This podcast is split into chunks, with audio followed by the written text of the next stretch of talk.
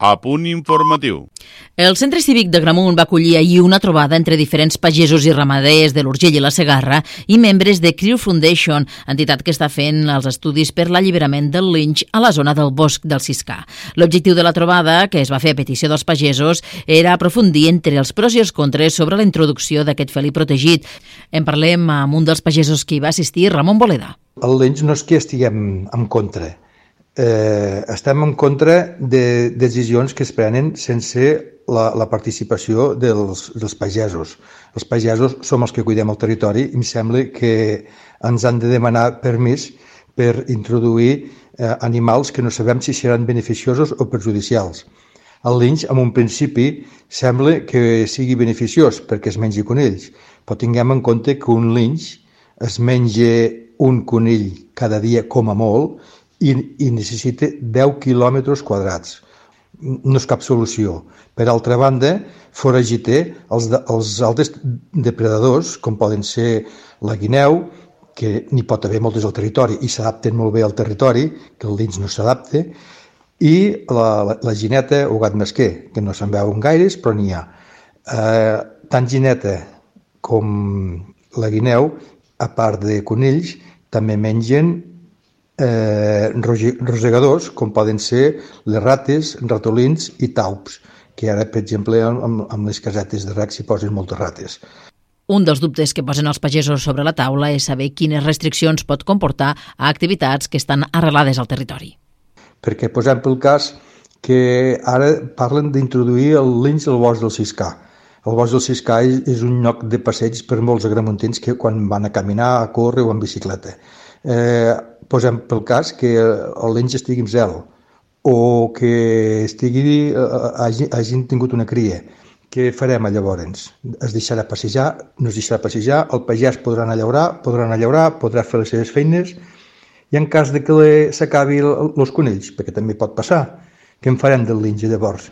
El 90% del menjar del linx és, és, és conill, però, però també mengi perdius. Els pagesos també posen en dubte la compatibilitat que pot tindre amb les zones EPA. També és eh, contradictori amb la zona CEPA. Aquesta zona CEPA ha portat la misèria a, a molta part del territori. Per tant, eh, és incompatible l'INS i zona CEPA. Si, si volen introduir l'INS, parlem-ne quan hagin tret la zona CEPA. Traieu la zona CEPA, llavors parlem de l'INS i condicions i coses que es puguin fer. Però sense, se, amb zona CEPA no hi pot haver l'INS. La setmana passada es va fer la presentació d'aquest projecte a Lleida Ciutat. Membres de la Crew Foundation van exposar l'estudi que han fet durant dos anys per a la reintroducció del linx al nord de la comarca de l'Urgell i també a la Noguera i la Segarra.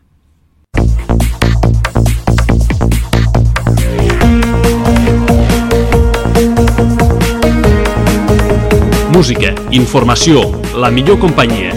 Tot ho tens a Ràdio Tàrrega.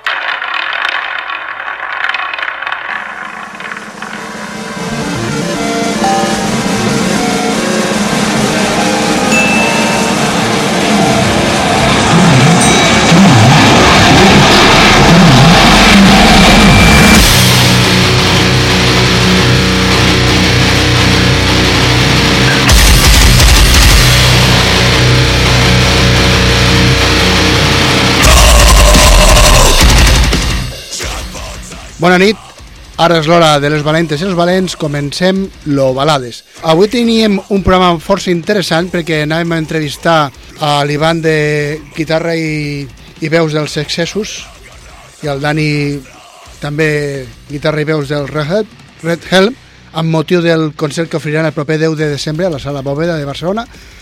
Però avui s'ha caigut de l'entrevista l'Ivan degut a que té un un fora constipat i no pot atendre'ns al telèfon i llavors pues, només podrem parlar avui amb el Dani dels Red Helm, tot i així pues, farem, crec que farem un, un molt bon programa. Eh, les dues bandes presentaran el proper 10 de desembre els seus treballs, els teus, seus respectius treballs. Els excessos presentaran a Sinapse i el Rahel a l'Arena.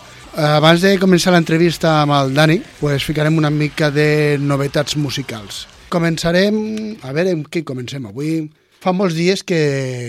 I és veritat, això no m'ho invento, que us volia ficar aquest àlbum, però per una cosa o per una altra pues, ho he anat posposant i crec que ja va ser hora de que ho escoltem a lo balades. M'estic referint al nou treball dels Blink Guardian, que el passat 2 de setembre van editar The Good Machine. Jo ja els tenia per morts i enterrats, ja que des de que va veure la llum Nightfall in Middle Earth, allà per l'any 1998, que ja ha plogut molt, han passat vora 24 anys, eh, han anat editant àlbums molt dolents però nens i nenes han tornat i, la, i mare meva com han tornat. Aquest de Good Machine és els ha retornat de la foscor i jo diria que ens ha tornat als millors Blink Guardian que coneixíem. Que sí, que no estic dient cap mentida, de veritat. Si no, escolteu aquest tema anomenat Architects of Doom.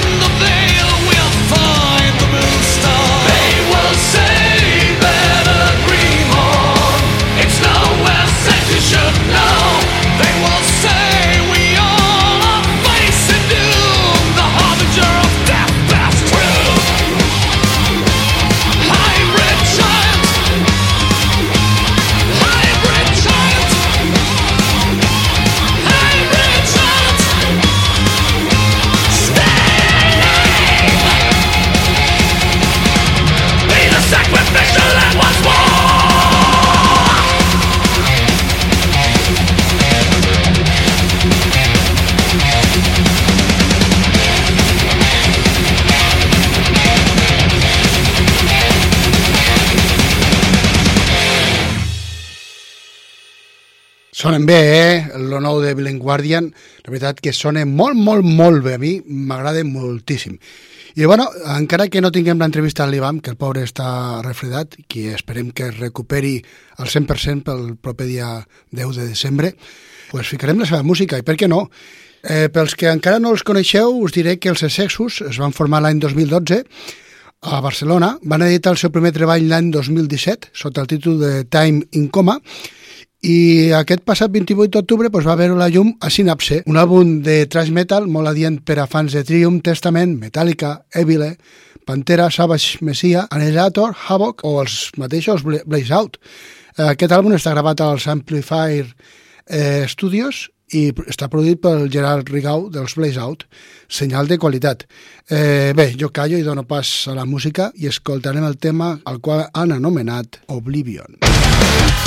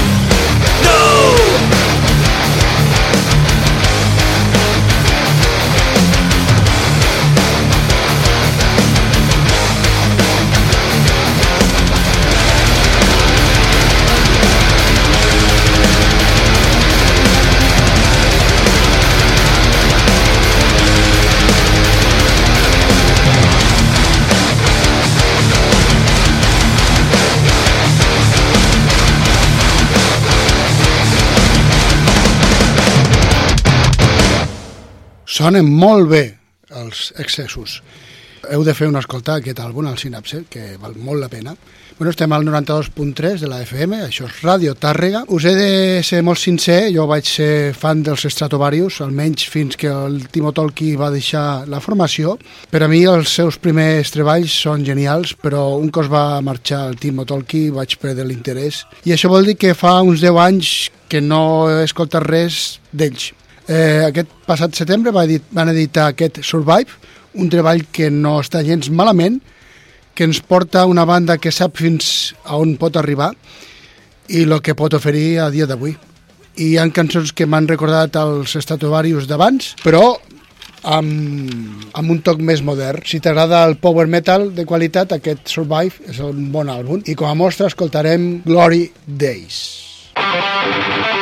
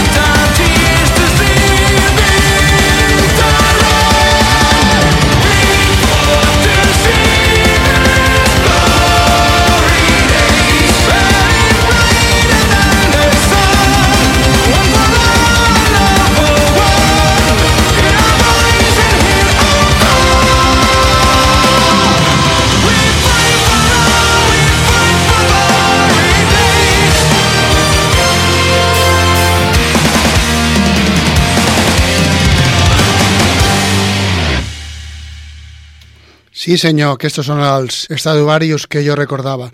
Eh, D'aquí no res, tindrem entrevista amb el Dani del Red. I bueno, eh, recordar-vos pues, que tot això és possible gràcies al nostre amic Pau Navarra de Bloodfire Dead, tant que, soni, que hagin sonat els excessos que sonaran ara al Red Hall i que puguem fer l'entrevista d'avui. El passat 7 d'octubre van editar el seu segon àlbum, el qual han anomenat Arena, i si encara no els coneixes ja estàs trigant. Formats l'any 1000, ai, 1000, 2010 a Barcelona, van editar l'any 2017, Zero, el seu primer àlbum com a banda, un treball on alternaven cançons en castellà i anglès, però han passat 5 anys, moltes coses han canviat i ara al Relhem som un duo i han deixat de banda l'anglès per centrar-se més en composicions cantades en castellà. Arena es titula el seu segon àlbum, un treball de heavy metal progressiu molt interessant, adient per a fans de Sober, Esquizo, Soen, A Perfect Circle, Tremonti, Tool, After Bridge o Crobot. Tinc a les meves mans, com he dit, gràcies al senyor Pau Navarra, de Bullfire Dead. No diré més i passem a escoltar els Red Helm i tot seguit entrevistem el Dani, guitarra i veus d'aquest projecte i la cançó que he triat per escoltar es titula. Desafío.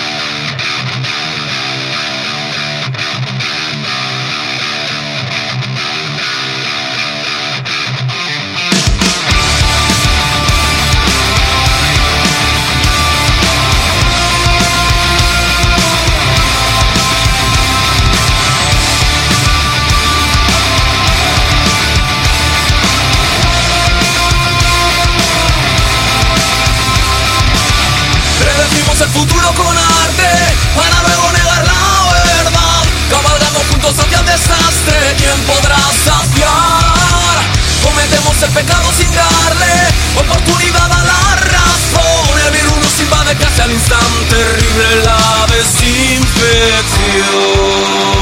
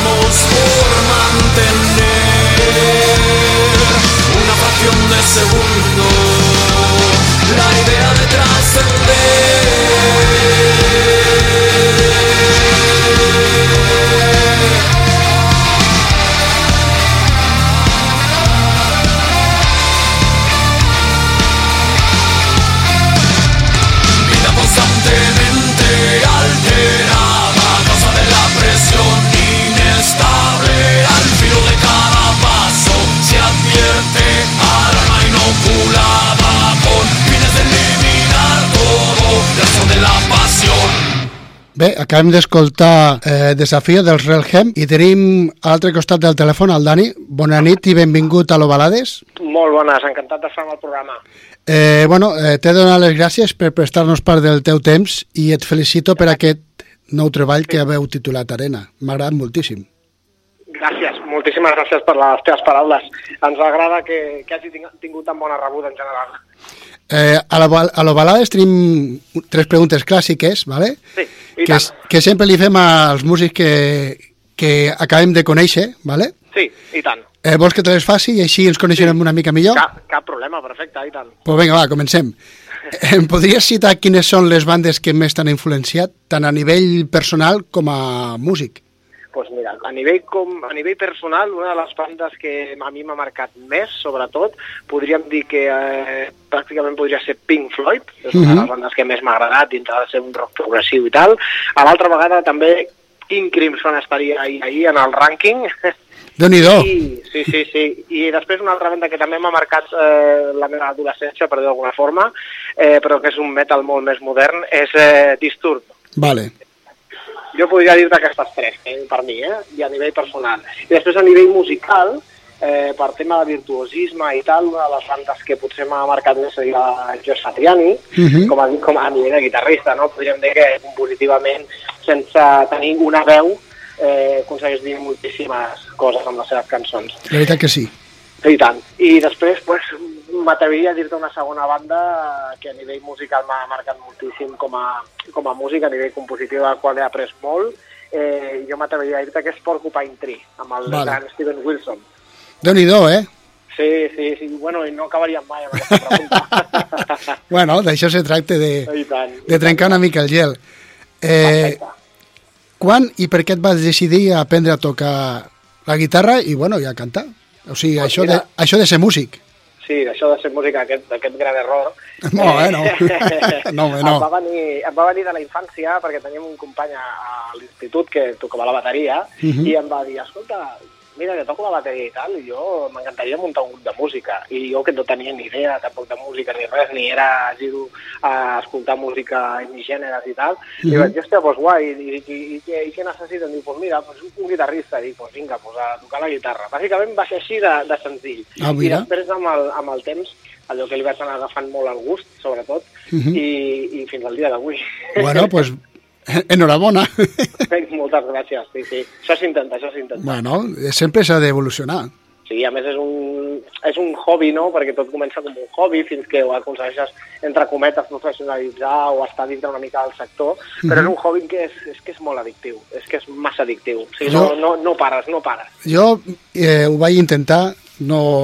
Jo, sem jo sempre ho dic a totes les entrevistes, jo sóc molt arrítmic, Sí, perquè ara, bueno, ara ja amb 47 anys estem, estic més tranquil, però amb 30 anys menys tenia massa nervi i perdia, perdia ràpidament el ritme i Sí. vaig decidir de, de ser un gourmet de- d'escoltar de, música i de gaudir-la molt bé. que més de, de fer-la perquè veia que no, no tenia futur. Bueno, Però bueno, tot, tot se, se, se pot fer. Molt bé, molt bé, i tant. I jo encantat de poder escoltar música. Oh, i tant, no, home, això és el millor, això és el millor que hi ha, sincerament, eh? Quan no, no l'estem fent, l'estem escoltant. Jo crec que la gent no escolta la suficient bona, eh, suficientment bona música per eh, passar el dia a dia a la seva vida. Sí, podria ser, a més a més, aquests temps tampoc acompanyen gaire, però bueno, podríem dir que, que com gràcies a les plataformes d'escolta i a més, eh, hem aconseguit tenir una, una globalització de la música molt gran. Sí, Així sí. que jo crec que això ha ajudat una mica, però sí que la, la indústria actual està una miqueta complicada. Sí, no, està una mica fotuda. Però bueno, Bueno, ara et faré eh, recordar quin va ser el primer àlbum que et vas comprar amb els teus estalvis. ostres, això t'ho puc dir molt ràpidament. El ten, el ten de Pearl Jam. Ostres! Sí, sí, sí senyor, és un àlbum que, ostres, eh, el recordo molt de carinyo. Quan me'l vaig anar a comprar a la, a la Disco Revolver Pues, i... jo vaig anar a disco... Tu te'n recordes de Discos Pelayo? oh, també, eh? i tant. Pues I allà- tant, i tant. Allà vaig anar a comprar-lo. Aquell estiu estava treballant amb un cosí Sí, i el vaig obligar a agafar i portar-me cap allà. Ficar-se al centre de Barcelona per anar a Pelayo, que era el que més a prop tenien per deixar la, la furgoneta en doble fila, ostres, i va ser entrar, pagar i sortir a tope, no? a tope. i, i, a, i a patir amb un cosí. Ostres, sí senyor, però això sí que és un cosí, sí senyor. Sí, sí, la veritat que sí. Estic molt, molt orgullós i content. Molt bé. I la última teva adquisició, La meva última adquisició. i si no és adquisició, Pues, sí. pues que hagis ficat a, la llista, a una llista que tinguis alguna plataforma. Doncs et podria dir l'últim àlbum de Soen, Imperialist. Em sembla que es deia, o, Imperi, eh, o Imperial, perdona, Imperial. L'àlbum de, del grup aquest que es diu Soen, que és el, Sí. el bateria, l'exbateria de- d'Opet, Sí. doncs eh, aquest ha sigut l'últim en afegir a la meva, a la meva biblioteca. Molt bé. La veritat que és un tros de, bran, un tros de banda que han fet mol- molts àlbums. Si no, de, déu-n'hi-do, el que tenim ara, Sí, al món. i tant, i tant, és, és tremendo. Eh, bueno, ara ja, ja, ja hem trencat una mica el gel, eh? ja, sé, ja sé una mica més de tu, ja podem entrar en matèria, si et sembla. Molt bé, cap problema. No, no serà gaire complicat, eh?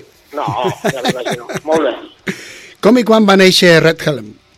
Ostres, doncs mira, va néixer, la base és la que t'he comentat, quan vam, vam començar l'institut amb, amb, amb la bateria aquest que t'he comentat, uh Mhm. -huh. eh, la, la, la base, l'arrel va ser aquesta, aquest va ser l'inici, perquè realment després es va, es va dir de diverses maneres, la banda, però bueno, va anar evolucionant fins al dia d'avui, amb el qual Raül Morón, que és el cantant, va arribar molt més tard i és quan la banda es va consolidar una miqueta més i van, van voler fer una trajectòria una miqueta més sèria. Però sí, sí, a l'inici va ser, bueno, doncs ja et dic, amb, amb 15 anys, amb 15 anys, i amb 26 que tinc ara, doncs imagina't. Doncs pues bueno, molt bé, no? Sí, sí, tant i tant, ja tenim molt de temps i encara que la formació hagi canviat diverses vegades, la veritat que, que l'essència segueix allà, saps què vull dir? Sí, sí, és, sí mentre hi quedi l'essència, Sí, està no, tot, i tant, i tant. no, hi ha, no s'ha perdut. No, no, i tant, i tant. A més, és una banda que és, és la típica aquesta que comences com a banda d'institut Mhm. i, i acabes desembocant en que vulguis fer com a hobby diari o inclús vulguis professionalitzar. En el nostre cas, hem volgut donar aquest pas endavant, sobretot amb aquesta nova etapa que estem obrint ara actualment. Uh -huh. eh, el vostre primer àlbum vau alternar el castellà i l'anglès. Sí, Eh, com que amb aquesta arena heu deixat de banda l'anglès? pues mira, bàsicament amb el Raül, que ens hem quedat ell i jo com a, com a eh, eh, treballant una miqueta amb el projecte eh, nosaltres dos, eh, una de les pegues que nosaltres vam veure en l'inici va ser aquesta amalgama d'idiomes que potser dèiem que era una miqueta confús, no? que despistava una miqueta l'oient. I llavors eh, també vam dir, ostres, a, a l'anglès sí que no és una llengua que nosaltres dominem gaire, sobretot perquè la portàvem amb Néstor Navalón, que és l'exbaixista, Val. i llavors, clar, al, al treballar nosaltres dos eh, vam veure potser més viable i més autèntic continuar exclusivament amb la llengua materna, que és el castellà. Bueno, la veritat que ja t'ho he dit abans, a mi m'ha agradat molt. Jo me l'he escoltat, eh, bueno, me l'he escoltat diverses vegades Sí, per, perquè dic, hòstia, me preparo l'entrevista i m'agrada sempre a qui entrevisto machacar-me el disco, ¿vale? molt bé. per si m'acaba d'agradar més de lo que m'agradava quan el vaig escoltar per primera vegada, quan m'ho passa el, el Pau, i la veritat que he trobat coses molt interessants. I no t'estic fent la pilota, eh? No, no, t'agraeixo moltíssim les teves paraules. Et dic, és, una, és un abans i un després a la nostra etapa, a la nostra trajectòria, perquè la veritat que la composició ha sigut completament diferent de l'anterior àlbum i a nivell de treball individual i a nivell de, de sobretot en tema de lletres i tema de significat també ha sigut un avanç molt, molt potent. Bueno, crec que les notes de premsa ja es veu que a nivell literari eh, Raúl Morón ha fet un canvi molt, molt bèstia a nivell de significats i potser és un àlbum que a nivell literal, literari perdó, és molt més conceptual, de forma que és molt, engloba molt més l'àlbum que no pas com a cançons individuals com eh, sota el meu criteri passava amb, amb Zero, l'anterior àlbum. Uh -huh. Jo te volia preguntar, com a fan de la música, m'ha- a mi m'agrada molt saber com els músics pues, fan les seves composicions, ¿vale? Sí, Quin és el, el mètode que feu servir a l'hora de compondre una cançó? doncs mira, t'explicaré. No? La veritat que ha sigut entre el primer àlbum i el segon ha sigut completament diferent. Mhm. Amb el primer àlbum era la típica banda que quedaves a assajar dos o tres vegades per setmana i et ficaves hores i acabaves traient moltes idees que acabaves filtrant, però acabava sent una jam session de la qual treies potser d'una jam session de dues hores en treies tres minuts de, de, de potser una idea que valia la pena al final, no? Mhm. I en canvi aquí a Marena hem volgut fer-ho d'una forma molt més conceptual, molt més individual, en el qual el Raül i jo ens hem sentat davant de l'estudi amb, amb, un, amb multipistes, amb un, com el, en el nostre cas ho fem servir el Cubase, Uh -huh. I senzillament ens hem sentat i dintre d'unes idees molt primàries, unes idees molt bàsiques, eh, partir amb una preproducció, la qual la cançó anava evolucionant directament, donant-li forma amb el que seria la, la, al final com quedaria dintre de l'àlbum, saps? Sí. No acaba sent una idea tan etèria o potser massa eh, diferent com normalment passa amb, eh, amb, composició, amb la composició amb, amb diversos membres a la vegada, saps què vull dir? Sí, Això moltes vegades es veu. Pues ha sigut aquest canvi, sobretot radical, que, que ens ha donat aquest plus, jo crec que d'un resultat una miqueta més professional amb aquest àlbum, jo crec. no, jo, I el Raül segur que està d'acord amb mi. jo m'he escoltat els dos àlbums, el primer no, sincerament no l'havia escoltat, Sí. vale? perquè si te soc sincer escolto tanta música per ficar aquí al programa que a vegades se te passen coses Ja m'imagino. i ho vaig escoltar i dic, bueno, a veure quins són els, els inicis de, de Red tant. Helm i a mi m'ha agradat molt més aquest arena Clar. amb diferència, sense, despreti... bueno, sense, sense No, desmereixer eh, lo anterior entregat, vale? I tant, i tant. que també té, té el seu esforç i té molt, moltes hores al darrere, però aquest mm, a mi, sincerament, m'ha agradat més. Sí, sí. Eh... Estem molt, molt contents amb el resultat. Ha quedat un resultat molt madur en aquest aspecte. Jo crec que sí. Eh, suposo que llavors el Raül s'encarregue de les lletres, o també sí. t'encarregues tu? No, no, és bàsicament el tipus de formació que tenim. Jo, en tema lletres, la veritat que sóc molt dolent, però sí que li fico mà a nivell de producció, no? O sigui, estàvem, quan estàvem gravant o generant idees, doncs a vegades les, les paraules potser no acaben d'encaixar, o encara que tu tinguis potser una, una estructura literària molt concreta, que tu vulguis donar un significat, a vegades no flueix com voldries a nivell musical. Llavors, sí que potser en aquestes coses eh, em ficava amb el Raül i, i treballàvem conjuntament. Però la veritat que és una cosa que li he volgut jo donar molta llibertat amb ell, perquè la veritat que és molt crac i eh, m'agrada molt els seus punts de vista i els seus, com, com enfoca certs temes Mhm. i, i com li ha volgut donar aquest punt tan conceptual en conjunt dintre de l'àlbum, de forma que tot l'àlbum té un significat concret. Vale. M'explico que al Sí, final sí. parlem del temps i de, i de com, desmereixer, com, com no desmereixer les coses que ens passen i, i a la mateixa vegada com evolucionar, no? I aquest és el concepte general així de forma molt primitiva, eh, d'explicar. Sí, sí, sí. explicarà molt, molt millor que jo. Bueno, però també s'entén la idea. I tant, i tant. Ell aporta moltíssim en, en, aquesta, en aquesta banda dintre d'aquesta part més literària a la qual jo co cogeo más. Bueno. però, però sí que els dos hem treballat en conjunt mà a mà i som dues persones que ens entenem molt bé a l'hora de treballar i al final hem aconseguit fer el que hem, el que hem publicat.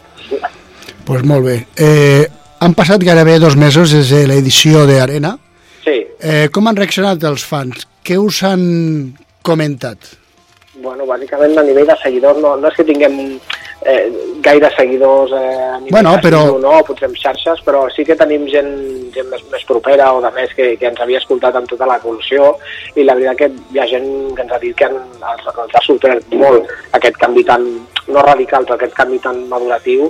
Eh, els ha agradat molt, com hem donat un punt de vista nou i com, sobretot a nivell de sonoritat del projecte, de com ha canviat el- l'àlbum, i inclús la, la sonoritat com a estil també, potser russant més el tema progressiu i, i amb un metal més alternatiu, però perquè potser amb Zero era una cosa molt més alternativa però dintre del rock, no tant com el, dintre del heavy metal. Llavors eh, sí que tenim gent molt propera que ens ha dit que el canvi a nivell sonor i a nivell maduratiu de les composicions els hi ha sorprès moltíssim, la veritat. Eh, bueno, jo, jo també m'informo i llegeixo eh, Sí. què diuen de vosaltres, ¿vale? i la veritat que les crítiques que he llegit sobre, vosal, sobre aquest àlbum, eh, jo amb moltes coses estic d'acord, suposo, no sé vosaltres com ho veieu tot això. Bueno, des d'un punt de vista com a compositors d'això, eh, hem rebut diverses crítiques, hem rebut crítiques dolentes, hem rebut crítiques molt bones, i en general les crítiques dolentes que solen ser més des de la part de l'estranger, de fora d'Espanya, cap a Alemanya o Anglaterra o algunes, alguna americana inclús que hem rebut, Mhm. eh, totes coincideixen en que potser a nivell musical la sonoritat de les lletres no els acaben de- d'agradar, potser que a vegades els entrebanca, cosa Mhm. que jo personalment, de que no estic d'acord, però això ja cadascú és, molt, Bueno. és una cosa molt, molt subjectiva, no? Dani, si t'escoltes l'àlbum una vegada o, Sí. o, les vas, o vas passant cada 30 segons de cançó a cançó, Sí, potser sí que tens aquesta idea, ¿vale? Sí. però has d'escoltar l'àlbum sencer, seguit i amb tranquil·litat i calma. sí, i tant. Penso que és, que és el que he fet jo, eh? Sí, sí, i tant, i tant, pot ser. O sigui, a mi m'ha passat amb àlbums que, jo que sé, per exemple, un grup de música que a mi m'ha passat això, que per mi també ha sigut dintre la, el meu punt musical un referent, ha sigut de Mars Volta, no? Un projecte de l'Omar Rodríguez López i el Cedric Bixler Zavala, que era un projecte de rock psicodèlic i acid jazz i de més, que la veritat que era molt complicat d'escoltar i fins que no el vaig escoltar cinc vegades no, no em vaig enamorar d'aquests és- d'aquesta banda. Llavors, nosaltres no, tampoc busquem fer una música de masses, de forma que eh, el que nosaltres fem intentem que sigui el màxim autèntic i el màxim personal i encara que sapiguem que hi hagi gent que no els agradi o que o aquest punt de vista que em dones, mm, jo crec que ha de, ha de tenir un punt de vista molt personal, no? I al final pues, sempre acabes trobant el teu públic, jo crec. Jo crec que sí, a part són gustos, no a tothom li agrada segons quines bandes. I tant, i tant, bueno, nosaltres per són les referències intentem posar una cosa que pugui ser compatible, no? De forma Mhm. que si a tu t'agrada Disturb, si t'agrada Tool, si t'agrada Opeth, si t'agrada eh, alguna cosa més rockera com Tremonti o tal, doncs intenta desconfer-li una escolta a Retelm i aviam què és el que opines. és una mica el nostre lema d'aquest àlbum, potser. Molt bé. Eh, jo sóc del parer de que en aquest país Sí. les bandes noves que van sorgint tenen molta qualitat. Mm. Què és el que falla a l'hora de fer-vos més visibles al públic? Ostres, doncs una pregunta molt clau, jo crec que aquesta, eh? eh és molt complicat en, en aquest país, eh, sobretot amb aquest estil de música, que per una banda té una cosa molt positiva, que té un gran recolzament del públic que, que és seguidor d'aquests estils, no? potser del rock i del metal, perquè la gent al final és la gent que va als concerts, és la gent que va a, a locals a escoltar música, és la gent que realment compra àlbums i, i ho escolta a les plataformes d'una forma molt concreta. Mira, és que escolta aquest àlbum d'aquest grup o escolta aquest nou single que han tret. En canvi, la música de masses potser és una cosa molt més superficial i que es basa més en, en xarxes socials, potser. Sí, però de, con de concerts, Dani, eh, des de que van treure la, obrir la veda després del Covid, Sí, eh, jo, veus Barcelona, hi ha concerts, quasi tots són, veus que són rock, que són metal, que d'això, hi ha Sí. concerts cada dia, com aquell que diu. i tant, i tant, i tant. Hi ha una gran afluència de, de, de concerts de, de sales, les poquetes que han pogut quedar. Sí, les que s'han sobreviscut. I tant, i tant. Eh, Recordem amb molt de carinyo Rock Sound, per, Per exemple, exemple. una sala molt, és molt típica de concerts, hem, viscut molts concerts allà i és una sala que, per exemple, ens fa pena que hagi tancat, però és que ha sigut aquesta situació que ho ha, ho ha generat, no? Llavors, una mica la pregunta que m'havies fet, eh, a nivell de, del públic, lo que, la visibilitat que m'estaves comentant per les bandes més, novi, més novelles, no? o per la Mhm. gent que comença a treure un, un, un àlbum, eh, el, el, el problema número 1 és eh, arribar al final al públic al qual li pots agradar, de forma que has de fer una campanya molt massiva no? i la gent al final després de generar tot aquest producte i de generar tot aquest material, a vegades ja no li queden forces per fer aquest pas. Sí. I, és el que, I és el que jo veig que normalment falla, sincerament, amb altres projectes que he pogut fer o, o de més que és aquest, aquest, aquesta vitalitat a l'hora de, de moure el producte i de creure. Però bueno, al final has de fer un producte que tu t'ho creguis sobretot i que, que realment tu creguis que ho pots defendre a mort, bàsicament. Eh, bueno, com he comentat al començar el programa, eh, Sí. avui fem...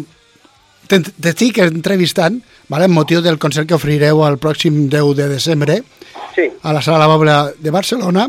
i tant. Eh, tu, vosaltres i els ex excessos, que avui Sí, també tenia entrevista amb, amb l'Ivan, però el pobre té un gripazo de caldeu Ostres, i no m'ha pogut atendre el telèfon. Avui, se, avui anava a ser un programa super, super novedós perquè mai he fet dos entrevistes al mateix dia. carai. Però- Un, un honor fer-ho. Sí, però m'he quedat a No ha pogut ser, No ha no pogut pogut ser. ser. La pròxima. No tinc cap problema. Jo, a la que em truquis, eh, eh, t'atenc de seguida. No, no, te, ja te tinc fitxat, o sigui que ja estàs perdut. Perfecte, i tant. cap problema. A part d'aquest concert, teniu més dates per presentar a Arena? Doncs, doncs la veritat és que sí, de moment no ho hem pogut fer públic, però estem preparant una petita gira de concerts en diverses ciutats de tot Espanya i aviat acabarem de tancar els detalls i ho, i ho farem públic. Molt bé. Com a, com a primícia. Estem molt agraïts sobretot amb l'ajuda de Pau, amb Bloodfire Death, amb l'agència, que la veritat està fent un treball espectacular. D'aquí Eh, és que Pau. el Pau, el Pau és bo, eh, el tio. El Pau, el Pau és un crac, el Pau és un crac i a més a més ens agrada molt que hagi- tingut el, el punt de, de voler confiar en el projecte com confiem nosaltres i que hagi volgut aportar el seu gra i treballar amb la seva agència amb nosaltres, bàsicament. O sigui que estem superagraïts i, i la veritat que ho estem donant tot perquè la cosa funcioni de debò. I funcionarà, tranquil, que tot, tot dona el seu fruit. Estic Tant bo, convençut, de estic bo. convençut. És complicat, però sí. Però bueno, bo. eh, què es trobarà la gent que assisteixi al concert? I què li diries a aquells que estan indecisos perquè assisteixin al concert del proper 10 de desembre? Doncs mira, la gent que es trobarà és una formació completament nova en la qual ho estem portant endavant el Raül Moron i jo i ah, hem comptat amb l'ajut de dos músics professionals boníssims, l'Andrés Gallego com a bateria i el Maximiliano Gentilini, Martí, pels amics, com a baixista, eh, a més és professor, productor i tal, i l'Andrés té un estudi propi també de producció musical, la veritat que, que tots eh, hem fet els nostres punts no? amb, com a banda, mm -hmm. podríem dir que és com una espècie de, de supergrup com els que es munten els grups eh, a, a nivell bons, de, de gent d'altres grups que, que destaquen i, i que s'ajunten per fer un projecte en conjunt i la veritat que estem super agraïts de, de comptar amb el seu ajut com a bateria i baixista i la veritat que trobaran un show que hem volgut ser molt fidels a l'àlbum mm -hmm. i a la mateixa vegada hi ha moltes sorpresetes durant el directe eh, eh, ens acompanyaran versions farem algunes versions de grups que ens han marcat moltíssim i els portarem al nostre terreny. Això jo creiem, creiem que la gent que pugui venir i assistir al concert eh, a part d'escoltar el nostre nou material i alguna coseta de l'antic, eh, també pugui escoltar cançons que, que realment els hi agradin i que s'animin a saltar amb nosaltres. Molt bé. Pues, Dani, veus, ha sigut molt fàcil. Eh, no, Ah, ha sigut no, fàcil. no t'ho he ficat gaire difícil i bueno.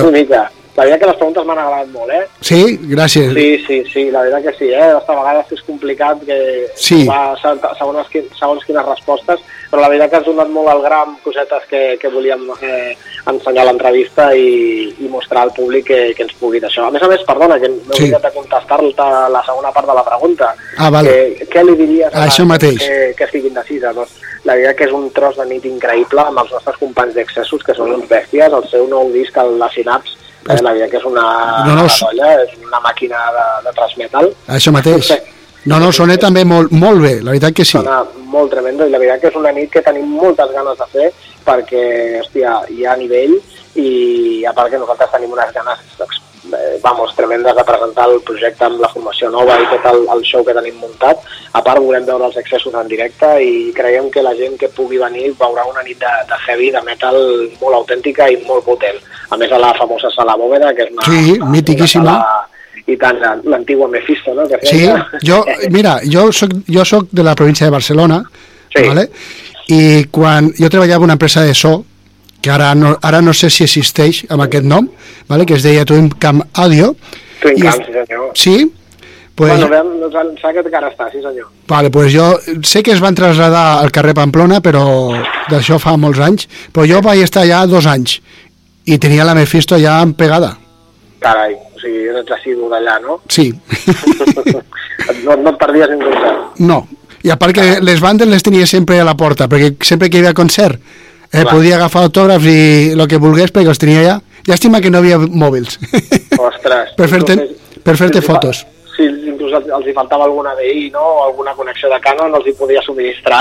No, d'alguna alguna vegada els hi van fer algun favor. Ja m'ho imagino, ja m'ho imagino, i tant. És una sala mitiquíssima i esperem que, que soni com, com ha de sonar. A més, nosaltres estrenem a Nicet Aguilera com a tècnic de so del projecte. Mhm. Hem fet ara aquest diumenge, s'ha pogut de les nostres xarxes socials que hem fet un petit stage per acabar d'equilibrar tota la sonoritat del projecte i del show i uah, tenim moltíssimes ganes d'estrenar i ensenyar tot el que farem i a la gent que realment li, agra li hagi agradat l'àlbum o li hagi arribat, creiem que és un show que fa molta justícia a aquest àlbum. Molt bé. No sé, jo no te dic si, que si podré assistir o no.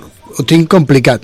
Mm. Però eh, per ganes, si no hi vaig... falten, no? Vale. Sí, per ganes no me falten. Si no, si no hi soc present, seré amb cor i ànima des de la distància. Oh, i tant, ho sentirem. I tant, i tant, i esperem que puguis venir i disfrutar del, del show. Jo crec que sí. Eh, bueno, ara ja hem arribat al final de l'entrevista i del programa. Eh, Sí, digue'm, digue'm. no, no, eh, com t'he dit al començar l'entrevista, ha sigut un plaer parlar amb tu. Igualment, el mateix dic. T'agraeixo molt el temps que ens has dedicat i us desitjo de tot cor tota la sort del món moltíssimes gràcies. Jo li, li transmetré a la banda i al resta del projecte que, que, que de debò trobar gent que cregui en aquestes coses és complicat i, Sí. i trobar algú com tu que ens recolzi d'aquesta forma t'ho agraïm moltíssim. I com que ja tinc el teu telèfon i estàs fitxat, Oh, eh, que sapigueu, vale, vosaltres, Sí. tant tu com el Raül, sí. que el Balades està per lo que necessiteu, podem fer entrevistes quan vulgueu, si voleu promocionar algo, us fiqueu en contacte amb mi, també estem al Twitter, ei, que fem això, o a veure si pots promocionar una mica això, i cap problema. Perfecte. Doncs, nosaltres som-.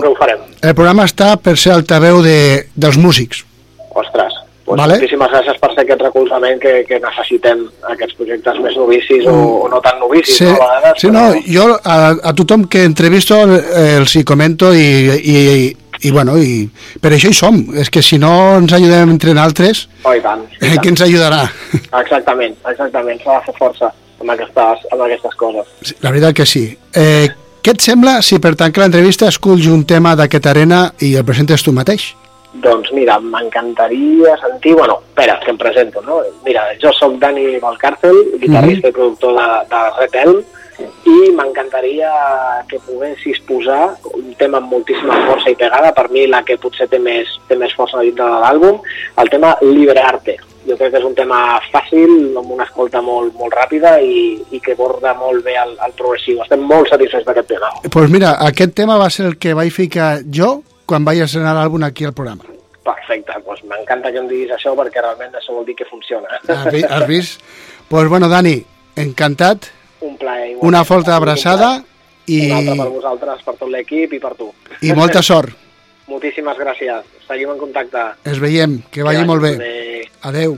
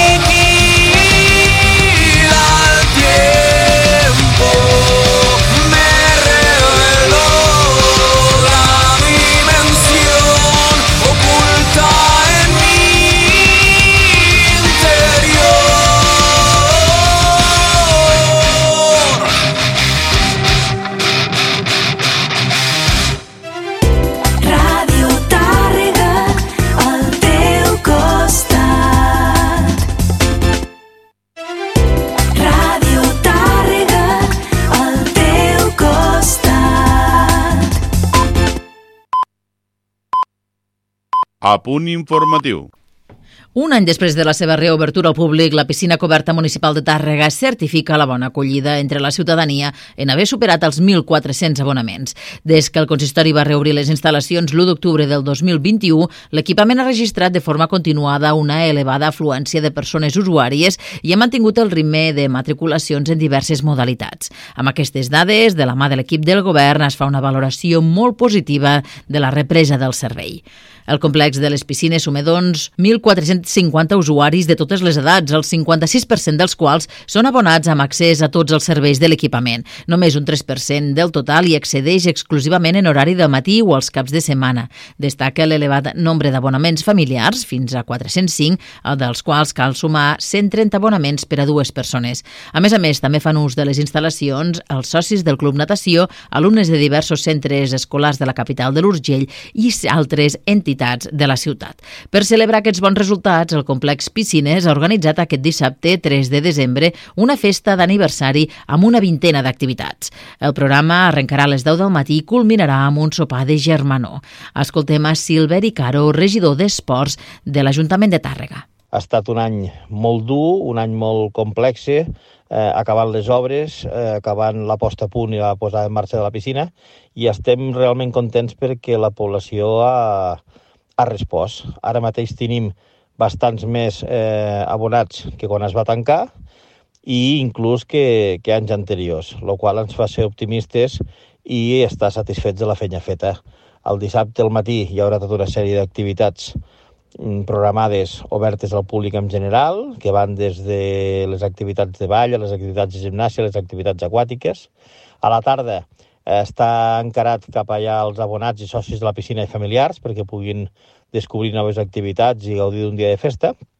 D'altra banda, aprofitant el període de descans de les instal·lacions d'estiu, la regidoria d'Urbanisme impulsa treballs de millora a l'espai. Concretament, es procedirà a renovar el paviment de les platges de la piscina exterior. Els treballs, que facilitaran una millora en la impermeabilització i subjecció del paviment, consisteixen en arrencar les rajoles que hi ha actualment, sanejar la base, impermeabilitzar-la i repavimentar-la amb un nou enrajolat. És previst actuar en una superfície de 340 metres quadrats. Alhora, aprofitant els treballs, també renovaran les dutxes exteriors exterior del complex de les piscines Tàrrega. En aquest sentit, es retiraran 12 dutxes actuals per instal·lar-ne 6 de noves amb mecanismes individuals. Això permetrà controlar-les i, en cas que sigui necessari, reparar-les una per una. Recordem que l'Ajuntament de Tàrrega va reobrir la piscina coberta municipal l'1 d'octubre de l'any passat després d'invertir més de 450.000 euros per posar al dia les instal·lacions amb l'adequació de la coberta de l'edifici, la instal·lació d'una deshumectadora que renova l'aire dues vegades cada hora i la substitució substitució dels sistemes de ventilació i climatització. També es van dur a terme tasques de reparació als vestidors on es van instal·lar noves mampares. L'equipament, obert de dilluns a diumenge, excepte festius, va reprendre la seva activitat sota la gestió directa de l'Ajuntament, posant de nou en servei les dues piscines de l'espai, que sumen una làmina d'aigua de 500 metres quadrats, jacuzzi i sala fitness. Ben aviat va ampliar l'oferta de l'espai, oferint cursets de natació adreçats a nadons a partir de 4 mesos fins a infants de 6 anys anys, així com un divers programa d'activitats dirigides per fomentar la pràctica de l'activitat física i els hàbits saludables.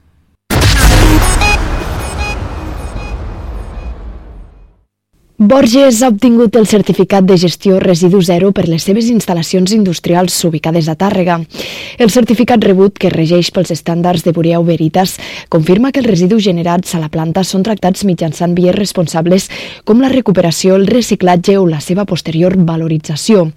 Aconseguint aquesta certificació i gràcies a l'avaluació i control i seguiment dels residus de la planta de Tàrrega, Valleo ha estat reconeguda com una empresa compromesa amb la minimització de l'impacte ambiental que lluita contra el canvi climàtic. També per